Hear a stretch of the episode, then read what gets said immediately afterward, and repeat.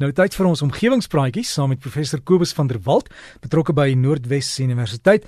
En of dit nou is of jy wil weet oor die omgewing wat groener is of hoe om seewater vars te kry of dalk hoop of dalk 'n beter motorkar, ek weet nie, maar ons professor het al die antwoorde. Hallo Kobus. Môre Derek, môre al ons omgewingsvriende. Ja, ek weet nie of ek al die antwoorde het nie, Derek. ek lees ook maar net baie oor die goed en dit is vir my verskriklik interessant en ek wil vanoggend begin met 'n paar interessante nuusbrokkies oor rekenaartegnologie wat ek die afgelope week raak gelees het. Nou eerstens het die Russe 'n robot gebou wat ontwerp is om met mense te gesels. Nou hierdie robot verskil egter van soortgelyke bestaande rekenaars en robotte deurdat hy met kunsmatige intelligensie toegerus is. So hy is soos 'n kind wat voortdurend nuwe dinge leer en oor tyd meer gevorderd en slimmer word na mate hy ontwikkel. Nou die interessante van die robot is dat hy reeds 2 keer uit sy laboratorium ontsnap het en die straat afgeloop het. Nou die ingenieurs wat die robot gebou het, het hom toe probeer herprogrammeer sodat dit nou nie weer sal gebeur nie. Maar een van die hoofde van die maatskappy het gesê dat hulle die robot waarskynlik sal moet vernietig omdat hy nou klaar geleer het dat dit moontlik is om uit die laboratorium te ontsnap, net soos 'n stout kind en die kans dat hy dit weer gaan doen as niemand kyk nie, kan nie uitgesluit word nie. Nou hierdie episode onderstreep die waarskuwing van die bekende fisikus Stephen Hawking so 'n paar maande gelede dat die mens nou miskien eers moet stop om kunsmatige intelligensie te ontwikkel totdat ons baie seker gemaak het dat ons beheer sal kan hou. Want wanneer die robotte slimmer raak as mense, is daar geen waarborg wat hulle gaan doen nie. En die punt waar 'n rekenaarbrein die kapasiteit van die mensebrein gaan oorskry, word beraam om maar so 10 of 15 jaar die toekoms in te wees. 'n Ander berig oor rekenaartegnologie, dit gaan oor die vinnige ontwikkeling van motors wat hulle self kan bestuur. Nou hier is 'n heel nuwe vraagstuk oor tegnologie oopgekrap. Naamlik dat die rekenaars wat sulke motors beheer met etiese en morele dilemma's gekonfronteer gaan word. Ek kyk na die voorbeeld. Sien nou 'n motor ry op 'n 'n bergpas en 'n kind hardloop voor die motor in. Wat gaan die motor nou doen? Moet hy nou uitswaai en daardeur sy eie passasier se lewe in gevaar stel? Of moet hy die kind maar raakry? Of moet hy met opset in die bergkant van die pad vasry sodat hy nou nie oor die afgrond aan die ander kant van die pad stort nie?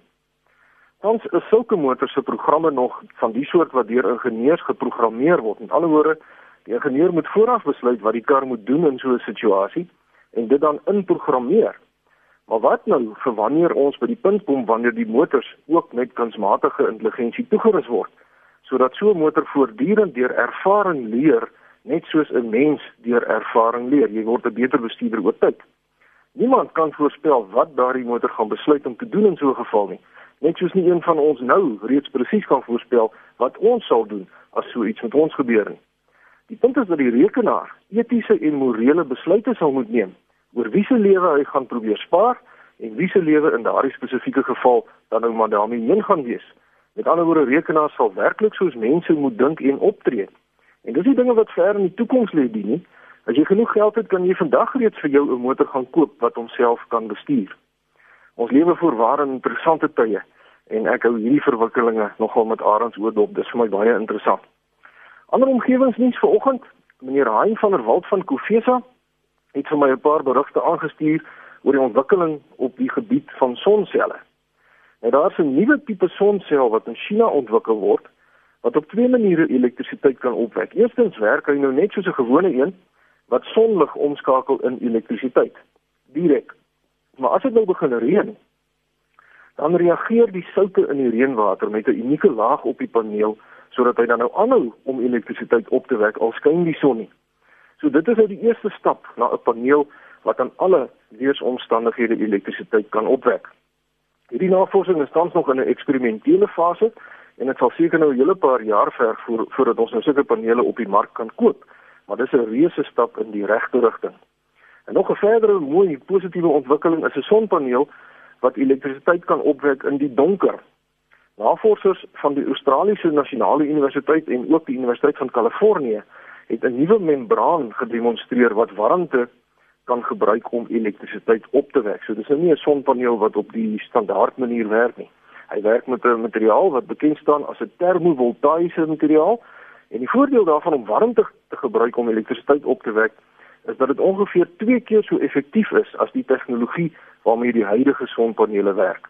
Nou dit beteken twee goed. Eerstens dat mens dieselfde hoeveelheid elektrisiteit kan opwek met omtrent die helfte van die sonpanele as wat tans nodig is. En tweedens dat die panele ook in die nag elektrisiteit sal kan opwek omdat hulle die residuele warmte van dakke of ander oppervlakke kan gebruik om krag mee op te wek. Nog 'n interessante ontwikkeling op die gebied van elektrisiteitsopwekking is 'n toestel wat die Triton genoem word en hy werk met die duinings in die see. Nou daar bestaan al heelwat soortgelyke ontwerpe om die energie in seegolwe om te skakel in elektrisiteit, maar die unieke eienskap van hierdie nuwe tipe generator is dat dit geen bewegende onderdele het nie. Dit bestaan uit 'n drywende platform wat in plek gehou word deur onderseese kabels en soos wat die duinings onderdeur die platform beweeg, word die wisselende magneetvelde uh, wat in 'n spesiale metaal opgewerk word omgeskakel in elektrisiteit. En daar word voorsien dat omtrent 15% van die globale vraag na elektrisiteit op hierdie wyse opgewek kan word teen 'n koste wat baie goed vergelyk met die huidige kostestruktuur vir elektrisiteit. Nou tans toets die ingenieurs etlike van die modelle van die Triton in laboratoriums en ook in die see en die plan is om eersdag 'n volskaalse generator te installeer wat nou 30 meter lank en 30 meter breed sal wees en wat elektrisiteit vir 650 huise sal kan opwek. Dis voorwaar opwindende on ontwikkelinge hierdie en ek hoop dat dit vinnig op groot skaal gebou sal kan word. En dan Derek sluit ek graag af met 'n vraag vanoggend wat ek ontvang het van meneer Piet Rudolf en dit gaan nou maar oor die wisseling van die seisoene. Hy is van Durbanville. Ehm um, en hy sê hy probeer elke winter vir homself uitwerk hoeveel grade op 'n kompas die sonsopkoms nou van die somer na die winter verskuif. Hy sê hy het al probeer soek op Google om 'n antwoord te kry, maar dit het nou nie veel gehelp nie en toe vra hy nou of ek kan help. Nou baie dankie meneer Piet Rudolf vir daardie vraag. En die antwoord is net soos met die meeste dinge nou nie heeltemal so eenvoudig as wat dit dalk met die eerste oogopslag mag voorkom nie. Die pad wat die son deur die hemelruim vir 'n waarnemer volg, hang nie net af van die seisoen nie, maar dit word ook beïnvloed deur jou posisie op die aarde. In Durbanville sal die son in die somer by ongeveer 120 grade opkom. Nou praat ek van geografiese rigtinge, nie van magnetiese rigting nie. Dit wil sê 120 grade van ware noord af. En in die winter kom die son in Durbanville by ongeveer 60 grade op. Wat beteken dat daar naaste by 'n 60 grade verskil is tussen die sonopkomsposisies in Durbanville tussen die somer en die winter. Nou as mens egter op die ewenaar staan, dan is die verskil tussen die somer en die winter slegs 47 grade. Maar hoe verder mens dan nou na die pole toe gaan, noord of suid, hoe groter gaan hierdie verskil word totdat as jy nou naby genoeg aan een van die pole van die aarde kom, die son in die winter nooit ondergaan nie, ehm um, en in die uh, ekskuus of in die winter nooit opkom nie en in die somer nou nooit ondergaan nie. Daar's 'n baie oulike programmetjie beskikbaar waarmee mense die posisies van die son vir enige plek op die aarde kan bepaal en sy naam is Sun Earth Tools, een woord. Son aarde gereedskap, Sun Earth Tools.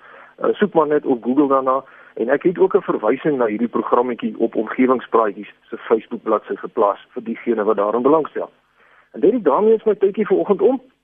Mense kan gerus vir my skryf by kobus.vanderwalt by nwu.ac.za en ek wens al ons omgewingsvriende 'n wonderlike dag toe.